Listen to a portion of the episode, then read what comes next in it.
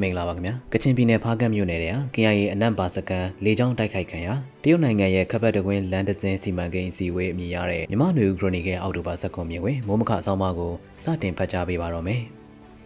ကချင်ပြည်နယ်ဖားကန့်မြို့နယ်ထဲက KIA တပ်မဟာ9နယ်မြေတဲကအနံ့ပါစကန်ကိုအောက်တိုဘာလ16ရက်နေ့မှာစစ်ကောင်စီတပ်တွေကလေကြောင်းတိုက်ခိုက်မှုနဲ့တပြိုင်နက်တည်းမြေပြင်မှာလည်းလက်နက်ကြီးနဲ့ပစ်ခတ်ခဲ့တယ်လို့သတင်းတွေမှာဖော်ပြထားကြတာဖြစ်ပါတယ်။ အခုလိုတိုက်ခိုက်မှုကြောင့် KIA အရာရှိအပါအဝင်အ ਨੇ ဆုံး2ဦးသေဆုံးခဲ့ပြီးဒဏ်ရာရသူ10ဦးခန့်ရှိတယ်လို့ကချင်သတင်းဌာနတွေကဖော်ပြထားကြပြီး KIA ကတော့အရေးအတွက်တွေကိုထုတ်ဖော်ပြောဆိုအတည်ပြုခြင်းမရှိပါဘူး။ယမန်နေ့အောက်တိုဘာလနောက်ပိုင်းကလည်းအနံ့ပါက KIA ထူထောင်ခြင်းနှစ်ပတ်လည်ထိမ့်မှတ်ဂီတဖျော်ဖြေပွဲကိုစစ်ကောင်စီကလေကြောင်းနဲ့တိုက်ခိုက်ခဲ့ပြီးနောက်လူဒါဇင်နဲ့ချီသေဆုံးရာနဲ့ချီဒဏ်ရာရခဲ့တဲ့အဖြစ်အပျက်လည်းဖြစ်ပွားခဲ့ပြီးတနစ်ပြည့်ဖို့သတင်းတစ်ပတ်လိုအခုလိုအောက်တိုဘာလမှာစစ်ကောင်စီဘက်ကထပ်မံတိုက်ခိုက်ခဲ့တာဖြစ်ပါတယ်။ဖားကန်ဒေတာဟာ KIA ဘက်ကနေရာအများပြားထိန်းချုပ်ထားပြီးကြောက်စိမ့်ထုတ်လုပ်တဲ့နေရာတွေမှာတော့စစ်ကောင်စီဘက်ကတပ်တွေချထားတာပဲဖြစ်ပါတယ်။ကြောက်စိမ့်ထုတ်လုပ်တဲ့လုပ်ငန်းတွေအနေနဲ့လက်နက်ကိုင်အဖွဲ့တွေကိုအကောက်အစားပေးဆောင်ကြရတာဖြစ်ပြီးတရားဥပဒေဆိုတာထက်လက်နက်နဲ့အင်အားကသာအဆုံးဖြတ်ပေးတဲ့ဒေသတစ်ခုလည်းဖြစ်ပါတယ်။ဖားကန်ဒေတာမှာရေမစေးကြောက်ရှာသူလို့အဲ့ဒီဒေတာမှာခေါ်ဝေါ်နေကြတဲ့စွန့်ပစ်မြေစာတွေ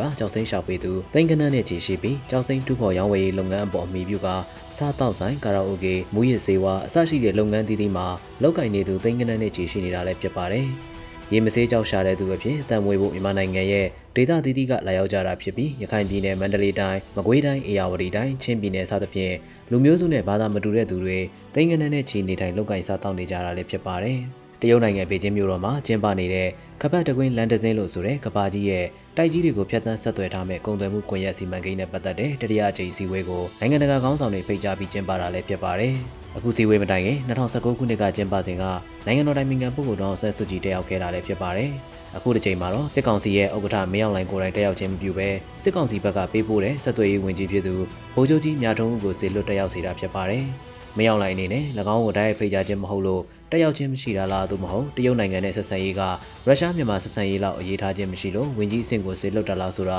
တဲတဲကိုယ်ပဲမသိရသေးပါဘူးမြန်မာနိုင်ငံအဖို့အိန္ဒိချင်းတွေလည်းဖြစ်တယ်လို့ကမ္ဘာမှာအင်အားကြီးနိုင်ငံတနိုင်ငံလည်းဖြစ်တယ်တရုတ်နိုင်ငံနဲ့ဆက်ဆံရေးအရေးကြီးတယ်ဆိုတာစစ်ကောင်စီခေါင်းဆောင်နားလည်ပေမဲ့ပြီးခဲ့တဲ့ဆယ်စုနှစ်တွေအတွင်းမြန်မာအရေးကိစ္စတွေဖြစ်တဲ့တရုတ်နယ်စပ်အခြေစိုက်တဲ့တိုင်းသားလက်နက်ကိုင်ဖွဲ့တွေပေါ်ဩဇာညောင်းတာမြန်မာငြိမ်းချမ်းရေးဖြစ်စဉ်မှာတရုတ်ရဲ့ဖြစ်စေခြင်းတဲ့လမ်းကြောင်းစတဲ့ကိစ္စရပ်တွေနဲ့ဆက်နွယ်ပြီးတရုတ်နိုင်ငံအပေါ်ပိုကြတယ်လို့ခံစားမှုမျိုးမြန်မာစစ်ကောင်းဆောင်မှရှိနေတာဖြစ်ပါတယ်။ဒီလိုခံစားမှုမျိုးတွေကြောင့်မြန်မာနဲ့အိမ်နီးချင်းမဟုတ်တဲ့ကမ္ဘာအင်အားကြီးနိုင်ငံတနိုင်ငံဖြစ်တဲ့ရုရှားကိုအောက်ကျခံကပေါင်းတင်နေတဲ့သဘောမျိုးလိုလည်းကောက်ချက်ချနိုင်ပါသေးတယ်။ယခုကျင်းပတဲ့တတိယကြိမ်ဖိုရမ်ကိုအာရှအလယ်ပိုင်းပိုလန်မှလမ်းကြောင်းပေါ်ကအာဖဂန်နစ္စတန်နိုင်ငံရဲ့လက်ရှိတာလီဘန်အစိုးရနဲ့ယူကရိန်းစစ်ဖြစ်ပွားနေတဲ့ရုရှားနိုင်ငံတို့ကလည်းတက်ရောက်မှာဖြစ်ပါတယ်။ စစ်ကောင်စီခေါင်းဆောင်အနေနဲ့တရုတ်နိုင်ငံကအခုဖိုရမ်ကိုတက်ရောက်ခြင်းမရှိပေမဲ့လည်းမကြသေးခင်ရက်ပိုင်းကရခိုင်ပြည်နယ်ကြောက်ဖြူမြို့သို့တွားရောက်စဉ်အတွင်းကြောက်ဖြူအထူးစီးပွားရေးဆောင်စီမံကိန်းကိုအရှိန်မြင့်ဆောင်ရွက်ဖို့ပြောဆိုခဲ့တယ်လို့သတင်းတွေမှာဖော်ပြထားပါတယ်။အထူးစီးပွားရေးဆောင်စီမံကိန်းကိုအရှိန်မြင့်ဖို့ပြောဆိုခြင်းဟာတရုတ်နိုင်ငံကိုသဘောကျအောင်ရည်ရွယ်ပြောဆိုတာလားသို့မဟုတ်အထူးစီးပွားရေးဆောင်စီမံကိန်းကိုလှုပ်ဆောင်ပြီးစီးပွားရေးကို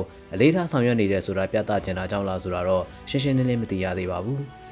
ဒီအထူးစီးပွားရေးဆောင်စီမံကိန်းကိုအကောင့်ထဲပေါ်ဖို့ရမှာကြောက်ဖြူရင်းတဲ့စိတ်ကံကတီးကြဆိုပေမဲ့လည်းမြန်မာနိုင်ငံလယ်ပိုင်းနဲ့မြောက်ပိုင်းကိုဖျက်ဆီးသွားတဲ့လမ်းကြောင်းတစ်လျှောက်မှာလက်နက်ကင်တိုက်ပွဲတွေဖြစ်ပွားနေတဲ့အခြေအနေကဒီစီမံကိန်းအောင်မြင်ဖို့ရာအတားအဆီးတွေဖြစ်နေမှာဖြစ်ပြီးတရုတ်နိုင်ငံအနေနဲ့လည်းမြန်မာနိုင်ငံတွင်းကလက်နက်ကင်တိုက်ပွဲတွေရက်စဲစေခြင်းတဲ့အကြောင်းရင်းမှာအခုလိုကပတ်တကွင်းလန်ဒန်စီမံကိန်းမှာပါဝင်နေတဲ့မြန်မာနိုင်ငံတွေကအစိတ်အပိုင်းတွေကိုအကောင့်ထဲပေါ်နိုင်ဖို့နဲ့ဆက်နွယ်နေတယ်ဆိုတာထင်ရှားနေတာဖြစ်ပါတယ်ခင်ဗျာ။